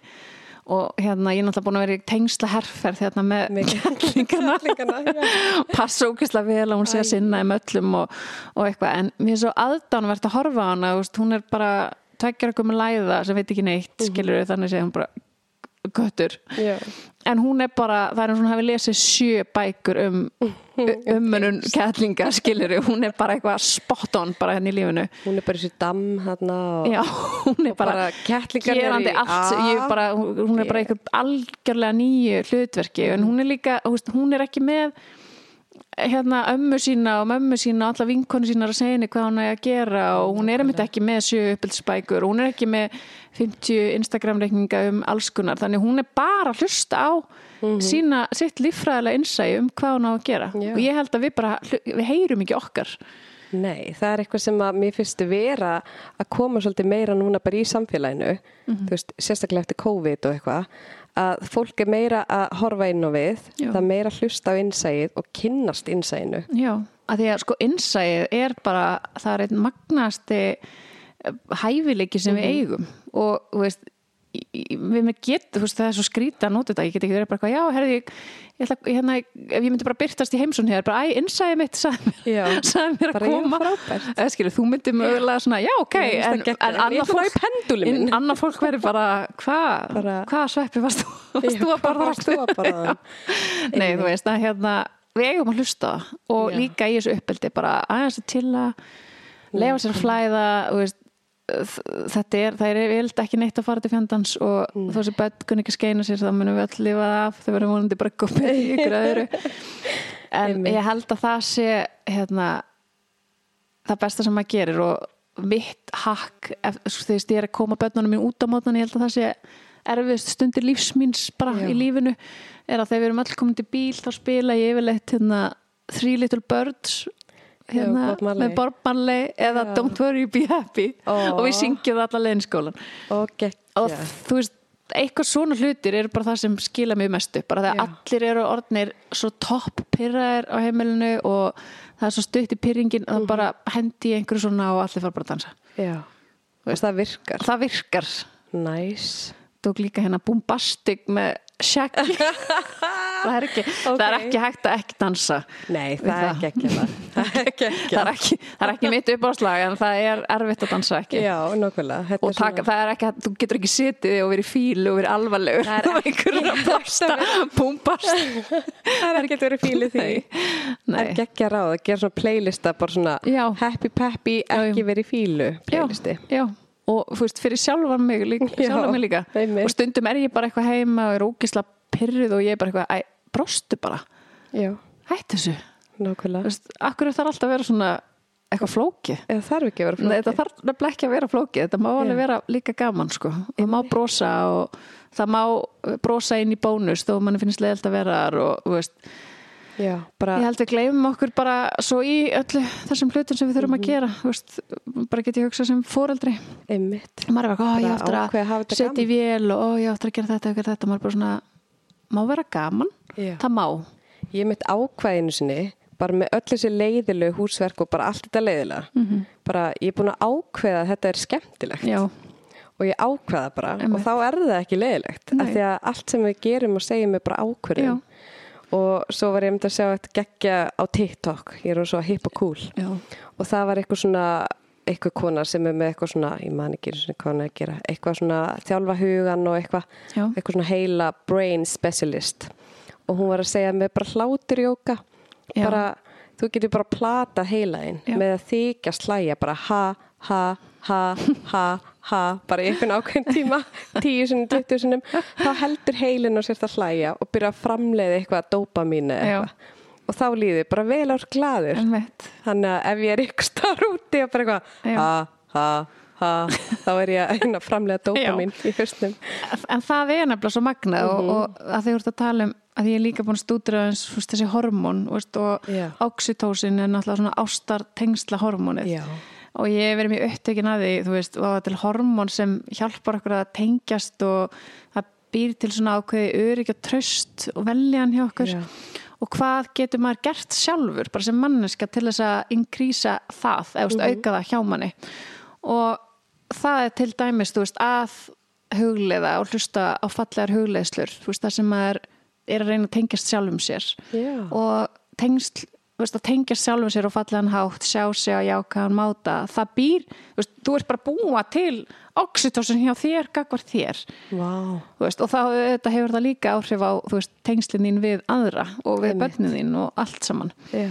þannig að við þurfum ekki alltaf að sækja í þú veist, ég þarf ekki endilega að fara hérna í heimsóti þín og að því mér vantar hérna oxytocin tengsla ánægju, ástar eitthvað, Já. heldur get ég líka sest með sjálfri mér og hugsa fallega til mín, hugsa fallega til annara og þannig aukið oxytocin til dæmis Vá. þannig að Það er magna. Já, veist, og þetta er bara svona minnst algjört lifehack Já, þetta er það. veist, að vera sín eigin einhvern veginn framleiðsla Já. Við eigum, ég, líti á þetta svona þannig að við inn í okkur eru bara brunnar bara fullir af þessu og við þurfum bara að kunna sækja í þá Já, það er ekki svona erfitt. Nei, og það er ekki einu svona erfitt veist, Það að er nefnilega bara eins og að því ég er búin að stúdera þetta líka, maður er náttúrulega að vinna Já. í sjálfu sér, Einmitt. alltaf sjáu er heil, heilstöftur, mm en þú veist eins og þetta með hláturinn uh, og bara hérna, bara segja við sjálfa sig að maður elskar skilurslaust og Mhm. bara faðma sig og alls konar eitthvað svona að tappa sikkur megin við hendurnar, bara eitthvað fyrir taugakerfið, Já. alls konar svona æfingar sem maður getur gert. Já, það er nefnilega fullt sem maður getur gerst Já, og kenna börnunum sínum bara Já. fyririlda hana faðmlagi og tappa sikkur megin þá er þetta eitthvað örfa sikkurt heilakvilið eitthvað, kann ekki Svo er fræðin. hugleysla sem heitir eitthvað metta hugleysla sem ég hef svona svolítið kent mínu bönnum og hún snýra því að, að þú hugsar af kærleika til þín bara þíns, Já. þín sjálfur og svo hugsar af kærleika til þeirra sem þú þekkir og þykir væntum svo hugsar um kær, af kærleika til þeirra sem þú þekkir ekki þú veist bara starfsmannin á kassanum í bónus og bladbrann eða eitthvað. Og svo hugsar af kærleika til þeirra sem þú átt mjög erfitt með að hugsa kærleika til, þú veist, kannski Já. hatar eða eitthvað, eitthvað slíkt og það, veist, það er fullt rannsókn sem er búið að gera á þessari og það kallar svona love and kindness Já. hérna sem sýnir fram á bara mjög jákvæð áhrif á líðan fólks almennt og svona aukinn Já. skilning á aðstæðum fólks. Og þetta- ég líka sko þetta svolítið að því að hefur verið rannsaka svolítið hjá hérna, fólki sem vinnur með fólki erfum aðstæðum, eins og til dæmis félagsrákjáður og sálfræðingar. Þannig að ég mæli með svona hlutum líka þú veist, að hérna það allavega sakar ekki, það skadar ekkert. Það er mynd allt svona sem er svo geggjað og gaman að vinna með barnin mínu. já. Þú veist, allar svona aðferðir. þetta tengist líka síðan allt í tengsl þú veist, Já. tengsl eru bara þetta allt veist, bara hversu vel við, eh, hversu fær við erum um að tengjast öðrum veist, og tengjast okkur sjálfum þetta Nákvæmlega. er bara yfir, heiti yfir þetta allt Mhm. flæði. En eigum að fara aðeins yfir í uh, hérna uh, svona áföll já, og eitthvað skemmtileg heit. það er svo gaman að tala um áföll, nei. Af Því þú veist, tengslinn náttúrulega mjög mikilvæg, svo er áfallaparturinn, þú veist, og áföll og hvað gerist einhvern veginn inn í heilanum á okkur og börnunum. já, sko ég er ekki þú veist, það er ekki mitt sterkasta fag, fagvitundir áföll en ég hins vegar er stútur að mikið, þú veist, varandi bara taugakerfið og og veist, heilan og hvernig við bræðumst við hlutum veist, og hvernig við lærum reynslu og hvað gerist í líkamann við það. Og svo er ég náttúrulega hef ég verið að vinna með börnum sem hafa orðið fyrir áföllum og, og hérna séð hvað áhrif það hefur en sko það sem kannski áföll gera er að veist, og líka til mér bara skilnaður barna er að þau brey, þú veist, svona hluti breyta heimsmyndinni veist, þannig að ég líka sér stundu við sérstaklega úr barna ef við myndum bara labba henn út einn daginn og það væri bara búið að, þú veist, gera múr í gegnum Reykjavík eða þú veist, það væri bara svona bara allt í heiminum væri bara breytt Bara svona dramatíska breytingar. Já. og þú veist, tilfinningin er þannig þegar þú hefur upplifað eitthvað svona áfall. Að þú, veginn, þú sérð heiminn ákveðin hátt, þú bara treystir þú veist, þið líður bara vel og sólinn kemur upp og svo sérst þú neður en þú verður fyrir einhverju áfallið þá bara í undir meðutinni þessi tilfinningum að allt sé í lagi, hún breytist skilur þannig að allt getur gerst. Veist, ef eitt gætt gerst, þá getur allt gerst. Já. og börn til dæmis eins og bara vanandi skilna þú veist, þau upplefa ef að mamma og pappi gátti þú veist, mist hvort annað, þá get ég alveg mist þau, veist, þessi heimsmynd sem var hérna mamma og pappi, hún er ekki lengur. Og þá getur það, þú veist, þá alveg eins getur allt annað, getur blokkin brotnaði tvent, þú Já. veist. Allt getur gerst. Nákvæmlega. og þá er maður komið með svona kannski nýja linsu einhvern veginn í glerugun sín skilur maður bara sér heiminn á aðeins annan hátt. Bara hann er hættulegur. Já, úst, ekkert endur hættulegur en maður svona þetta er, já, þetta er svona nýlinsa og svo úst, börn sem hafa spúa við við, úst, bara við va- viðvarandi álag eða að, veist, áföll, endur tekin áföll þú veist að taugakerfið þeirra er náttúrulega bara alltaf alert og þegar þú ert í alert taugakerfi og ert bara í fight or flight þú veist, þá ert ekki fær um að til dæmis tengjast mikið, skilur við eða eiga í góðum samskiptum. Læra, þú veist, getur þú ímyndar að vera ógisla hrætt kannski búin að eiga hræðilegan morgun þar sem var þú veist, öskraði og eitthvað og svo mætir í skólan og þú ert bara að setja læra starfræði. Einmitt. það er ekki hægt. Nei, er Þú ekki veist, taugakerfi þitt, heilin þinn Já. á þeim tímubúti, hann býður bara ekki upp á það að þú eigir að læra starffræði, skilur við Nei.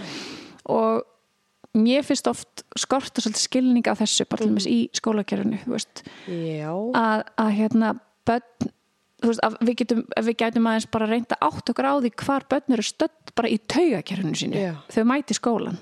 Einmitt. og ef við gætum byrjað á því þú veist að reyna að núlstilla það eða reyna að átta okkur á því að því það eru börn til dæmis í skólunum sem búa, sem eru alltaf í fight or flight, bara alla daga að þau þurfa að gera veist, það er bara það er aðstæðar sem þau búa við Það er einmitt eins og ætluð börn eru já, föst í þessu. já, Það sem við erum að reyna að hjálpa með. já, akkurat Og skólakerfið mitt vantar, það vantar svo mikið skilning.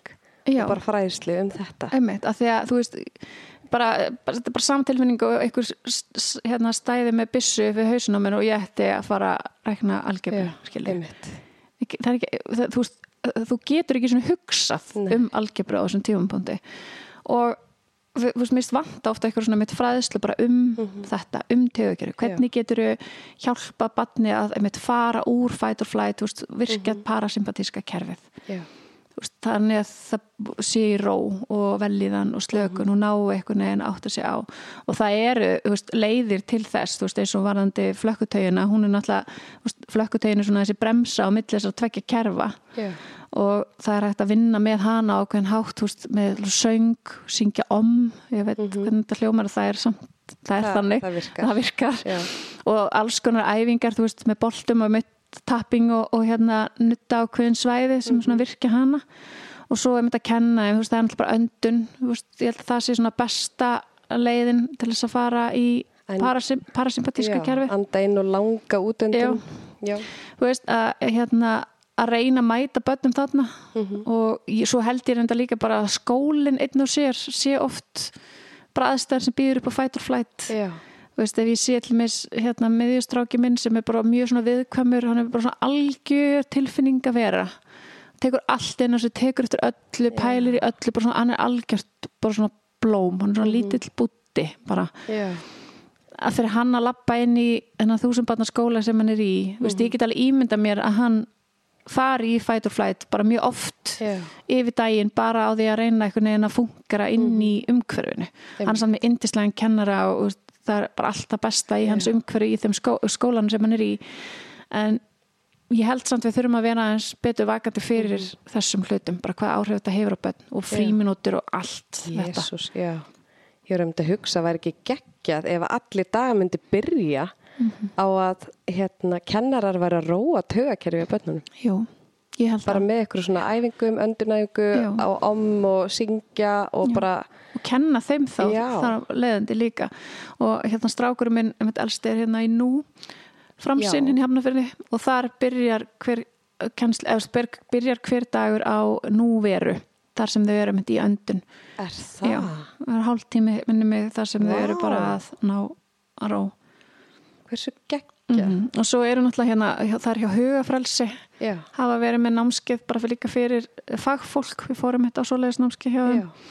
Þar sem það er um þeirra að kenna, það er að kenna hugleislur og hérna, öndunaræðingar og svona fyrirbönn en svo held ég bara úst, aðstæðanar oft í kennslistofum og svona bjóða bara ekkert endilega upp á það.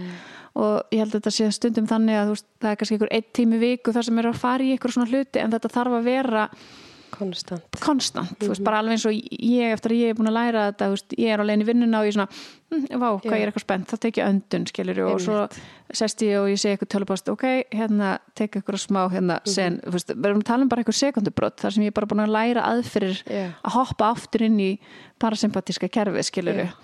í staðin fyrir að ég mæti vinnun og er bara í fight or flight bara, oh my god, eitthvað allan daginn og það er eins með þú veist, það þarf að vera þetta flæði líka inn í skólanum Það þyrfti að vera, þú veist, það þarf ekki svona að vera neitt, bara vera í stólanum sínum og Já. bara allir að syngja ykkur möndru eða... Já, og líka hafa bara eitthvað svona róherbyggi og vinnustöðum. Ég bara, mér þetta frábært að vinnustöðar væri bara með herbyggi sem væri bara dimmt og þú getur bara farið, dreigja andan í tíu mínútur lappað út. Ógislega næs. ég, hérna, ég allavega, allavega átsa fyrir því. Já, mér finnst það geggjað. Ég þetta er bara fyrir alla og maður finnur það bara að því mér finnst þetta að vera meiri vitundavakning með þetta, hvað það gerir okkur gott. já, Og ég, líka bara eins og þessi taug þarna, veikusnör, já, hérna flökkutögin ég flökkutögin. bara allir að stúdra hana Já, þetta er, það er bara nýtt á nálinni, Já, þetta er, já, þetta er nýlegt og þetta er Já. ótrúlega lítið fjalla um þetta og ég veist, vá hvað ég hefði viljað læra um taugakerfið, Já. um hormonakerfið, Já. um flökkutögina í grunnskóla í staðan fyrir svo margt, Ekki eða framhaldsskóla, í staðan já. fyrir svo margt sem ég lær- lærði um. Þetta hjálpa manni í og, daglegu lífi. sko. og þetta er eitt af þessu, tengslinn við okkur sjálf, Já. veist, að með því að læra þessa hluti þá skiljum við okkur sjálf líka skiljum og þá náum við að einmitt, búa til þessa tengingu við okkur veist, og átt okkur á því hvað er að gerast hjá okkur sjálfum. Og veist, ég, mér finnst bara þessi, þessi skilningur ætti að vera bara sem bara strax í veist, að fá að læra þetta. Að því mér finnst oft svo mikil áhersla á þú veist, vera Já. Framkoma, nám, eitthvað og þetta er allt svona út á við Einmitt. og svo er eitthvað svona einn, einn lífsleikni tími en ég held að hann fjalli ekkit endala um veist, eitthvað inn á við Nei. það er bara að vera, byrja strax Það byrja strax sammála því. Ég mani mitt bara því að við vorum að tala um þetta þegar við vorum í Kvennó já, þá hérna var einn lífsleikni tími Og ég þetta ekki er- eftir lífsleysni Nei, ég man það var einn lífsleikni, lífsleikni tími þar sem að hún var að láta okkur sitja í stól og gera svona hugleyslu. Það er fyrsta og eina hugleysla mín sem batnúlingur. mitt? Nei, ég verður að skrópa Jú, örgla skrúpa. Það var örgla fimm mínútur og ég man svo vel eftir síli. Hvað er hún að gera? Mér fannst þetta svo hallærslega. mitt En Það er ekki hægt að byrja á þessum aldrei Nei, í kennslustund heldur Þetta var bara eitthvað og eitt moment. Já, En þú veist, og svo núna er náttúrulega vitneskjan og svo svakaleg. en, en hugsaði líka að maður hefði byrjað á því að fá bara klukku, eða, bara fyrstu tímanir hefði byrjað bara að tala um bara taugakerfi, um flökkutegina veist, hvað streit hvað streita, áhrif streita hefur á mann langurandi Mhm. þú veist, og svo myndi maður læra að gera huglistur Já, skilur hvað það skiptir því. miklu máli en það er einmitt eitt, bara ég ætla að lemta að koma því inn á þetta er svona eitt af því sem eru mér svona hugleikið með varandi tvö heimili og, Mhm. og fólki sem ágrinningi er að veist, fólk er ekki gert til þess að vera í langvarandi ágrinningi eða deilum líffræðilega erum við ekki gerð til þess að standa í einhverjum langvarandi skýtkasti við annað fólk Það er það er bara áhrifin sem það hefur á hormonakerfið þú veist, og einmitt þetta fight or flight þessast taugakerfið og allt. Það er ekki maður segja, veist, til framdráttar fyrir mannesku veist, það hefur mjög neikvað áhrif á líðan veist, ég fæ alveg til mér fólk sem er bara orðið veikt, ónæmiskerfið hrunið, Já. fólk komið í virk og eitthvað eftir að hafa staðið í langvarandi deilum við hérna, fyrir makasinni eða basfóreldri Einmitt. Og líka þegar maður horfir á þetta síðan allt, að þetta allt hengist, skilur Já. allt sem maður er að ræða hérna þegar maður veist, horfir á það, þú veist, bara líffræðin líffræði mannesku og svo þú veist, hvað áhrif það hefur að vera í streitu og ágrinningi, að það fer þetta bara ekki saman og svo getur maður ekki verið, þú veist, gott fóreldri ef maður er auðvitað getur maður alltaf gott fóreldri ef maður er uh, Ekki upp á sig best. Nei, veist, maður, maður getur ekki notist, notið sín sem best sem fóreldri þegar mann líður illa, að því að maður er kannski mun standi langvarandi ágrinningi Nákvæmlega. og það sem er bara svo mikilvægt að stíga inn og ég held að fólk fattu ofta ekki veist, að vera í ykkur deilum við foreldri barsistins Já. mér finnst veist, ekki mikilvægar fólk í mín lífi heldur en foreldra er feður barnana minna þetta er Einmitt. bara mikilvægastu manneskunar fyrir utan börnin mín þú veist, Mhm. ég bara ég bara mun, veist, ég virði þessa menn og dyrka það og dái og elska það og bara báða Já. þó ég sé hjónabandi með öðrum þeirra og ekki hinum en, en Já. þú veist, að því þetta er, þetta er hinn aðilin sem bjóð til barn með mér í þessum heimi og það Mhm. er bara útrúlega stórt og þegar þú átt í ágreiningi í langan tíma og upplifir hatur og fólk meiri Mhm. segja, þú veist, það er til svona hérna svona ágreiningsstígi og fólk, efsta þreip er þannig er að þeir verður bara líffræðilega bara ógla, þú finnur bara vanlíðan, bara hugsa um hinn aðilan What? bara messendir skilabóð og bara mitt, þú veist, verður bara óglað með sem matalistina Já. veist, og að búa við þetta í langurandi tíma er bara ekki líffræðilega veist, í lægi Nei. fyrir mannesku Wow. stopp, stoppum bara þetta þetta þetta núna Lag, það er hægt að laga. það er nefnilega hægt að laga allt Það er nefnilega máli. Já, veist, næstu því allt en segjum bara Nánast allt. Það er það að vinna í öllu Já, og gera hluti betri. þetta er fólk ég segja Já. stundum við fólk þetta er ekki eitthvað sem þið hafið ekki stjórn á þú veist, þú hefur stjórn á þér þið bæði hafið stjórn á ykkur þá hlýtur að vera hægt að stjórna þessu þetta er Mhm. ekki eins og jarðskjálti eða veist, eldgós eitthvað sem við getum ekki stýrt ekki, veist, þetta er ekki hluti sem eru út úr okkar höndum Nei. þú hefur stjórn á samskiptið þínu með annað fólk Mhm. og þú verður eiginlega að hafa stjórn á sjálfum þér því að engin annar er að fara að gera það fyrir þig Já. Nákvæmlega. Já, Eigum við að uh, eigum við að segja eitthvað lokum. Við erum búin að vera svolítið lengi. Ó, gaman að tala Það er svo gaman að tala. Mhm. Ég bara pæla, er eitthvað sem að við erum að gleyma eitthvað alveg sérstaklega? pott þetta eitthvað sem við erum að gleyma Já, Ég það áttur að vakna svona fimm sem upp í nótt og vera bara, ó, okkur sagði ekki þetta en það er Nei, leið það er það sem var sagt var það sem átti að vera sagt Já, hér. við erum svolítið þar. Mhm. Bara hugsa hérna, já. Ég er kannski bara rétt komið inn á gelsumustu Já, ég ætla einmitt að fara að segja. Já. Nú var ég, ég bara, já, segðu mig frá hérna því sem þú ert að gera í dag fyrir utan tvö heimili. Já, ég sem sagt, eins og ég kom inn á áðan held ég, er teimistjóri ráðgjá með fyrir að teimi á gelsumustu barna. Já. Og gelsumustu barna var stopnuð uh, 1. apríl fyrir ári síðan 2022 og þá var verið að samena það sem hétt þroska hæðunarstöð sem saman svona einhverju og aðti háti greiningar. Fjölskylduteimi sem er einmitt svona tengsla teimið bara hérna á Íslandi þar sem eru hérna verið að vinna með fóreldra á mjög ung börn.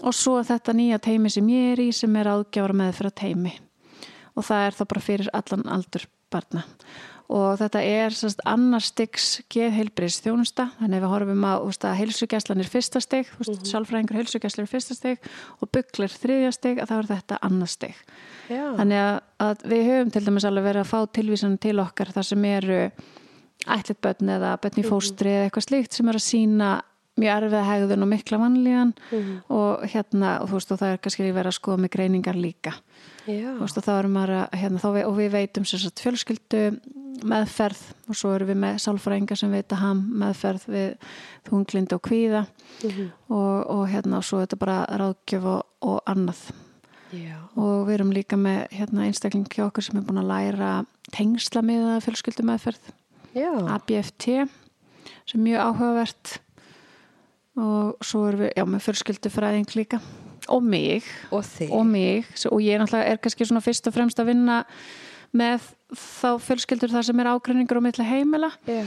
en það sem ég hef líka sérhæft mér svolítið í er bara viðtöl við börn mm -hmm. veist, og fá fram sjónarhótt barna og ég er búin, búin að taka bæði aukanám í viðtalstakni við börn sem hluta af svona sátta meðferð yeah. og svo viðtalstakni við börn sem er nótið í barnahúsi og svo taka svona rannsóknar viðtal yeah. og svo bara hef ég mjög gaman að því að tala við börn veist, og vinna með börnum. Og mín vinna er í raun bara þannig að ég vinn með barninu. Já. þannig ég gerir meðfraðallun þá ber ég hann undir barnið og veist, barnið tekur þátt í að að hérna, já, vinna hlutina með mér. Vin, vinna það í rauninni þaðan. Ég held að það skiptir svo ótrúlega miklu máli. Og svo þetta fóröldranni líka. En, svona, það er þetta svona áherslu á þáttöku barsi meðferð. Já. er það ekki líka sína meiri árangur svona fyrir barnið? Jú, ég held það, en það, þann kemur líka aftur þetta, þú veist, svona réttinni bars og barnasáttmálinn og allt þetta og barni upplifir sér sem bara mikilvægan einstakling. Og ég næði vel mjög vel til barna yeah. veist, því ég bara sé þau og yeah. ég ber virðingu fyrir þeim og mér þau frábær. Mm og ég vil, veist, vil að þau upplifi það að hérna, ég sé hérna fyrir þau. Og þá eru þau til í allskunar ekki? allskunar, jú Æ, það, það er svo gaman en þann, þann, þannig að þannig er vera, á gælsumistu barna að vera að sinna greiningum, það eru mm þannig greiningateimi og svo eru við að sinna ráðgjöf og meðferð Já. og hérna og í þessu annarstegs málum Já, er þetta þá bara í Reykjavík? Nei, þetta er fyrir all landi Fyrir allt landi, Já. ok mm -hmm. og það er eitt hægt að komast inn í þetta nummið tvö sko, nema Jú, það bara... bara, þú veist, það þarf að vera þannig vandi að þarnist í rauninni kannski hérna, aðkomið þverfaglegst heimis svona kvíðavandi, aðskilna kvíði, einhvers svona sjálfska hegðun væri veist, væg þá mm. væri kannski fyrsta steg en þegar þetta er orðið alvarlegra þá þarf kannski að vinna líka með fjölskylduna húst batni og fjölskylduna yeah. að þá er það kannski meira heldur en eitt sálfræðingur veist, á heilsugæsli getur gert og þá hérna myndi það fara til okkar teimis Já, þannig í rauninni eru heilsugæslunar sem að myndi það framvísa þessu. Já, einhverju stundum en það líka, geta líka verið að koma annar staðar frá. Vist, það geta verið félagstjónustæð eða skólaþjónustæðin eða barnavendin eða það bara er rauninni bara fag aðili sem, Já, sem, sem sendir tilvísun. Já, er Já. lung byggðið svona? Sko, þetta teimi mitt byrjaði bara fyrsta nógumber, ég byrjaði í september. Já splungunýtt þetta er splungunýtt og við erum bara að þróa þetta algjörlega frá grunni í rauninni bara allt verklag og hvernig veist, meðferða og veita og, mm -hmm. og við hefum núna verið að hérna, taka og erum búin með nokkra námski í dam meðferð, dialektískri at, atferðlis meðferð sem er mjög hérna, flott meðferð og einmitt byggja mm. svolítið öllu því sem við hefum verið að ræða um yeah. veist, það er að kenna svona ákveðna Uh, svona mindfulness skiluru uh, skjólstæðingnum á mhm. tilfinningar sínar og hann getur skilja ólík sjónurhóðn og, og svona alls konar yeah. svona mjög, mjög áhugavert og eins og staðinni núna þá er að mynda spilisti í þetta teimi Já.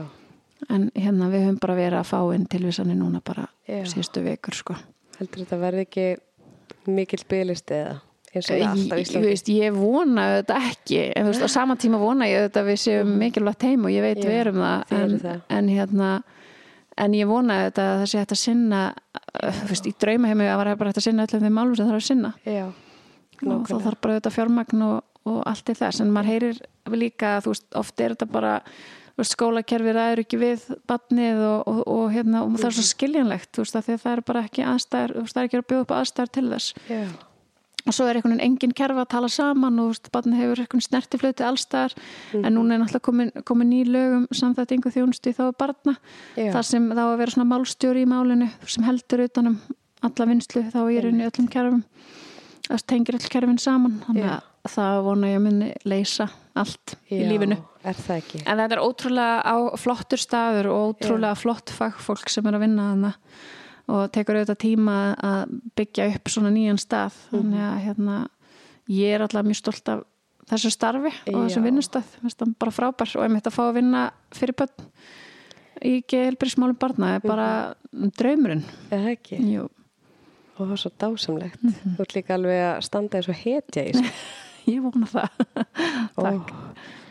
Tömmulegis Ó, ég var að býða eftir þessu. Takk við En hérna, já, við ætlum að fara að segja eitthvað fallega lokaorð. Erum við með eitthvað svona sem vil koma að framfæri eða eitthvað ráð eða eitthvað svona, eitthvað sem þú ert að hugsa? Ég er með eina setningu en hún tengist ekkert endla þessu en þetta er bara svona setning sem ég er alltaf svo Já. mikilvæg og hún er gefðu þér tíma og plás til að vera manneskja með öllu því sem því fylgir Og það er svo fallegt. Já, Og það er bara svo mikilvægt fyrir alla fóreldra og öll börn bara að fá að gera það. Já bara vera mannleg, Já. vera manneskjur og vera eins og við erum og, og leiða okkur bara að vera þannig Já. Ó, Ragnir, ég elska þig. Svo gaman að fá þig. Gaman að koma, yay. Takk æðislega fyrir. Takk fyrir mig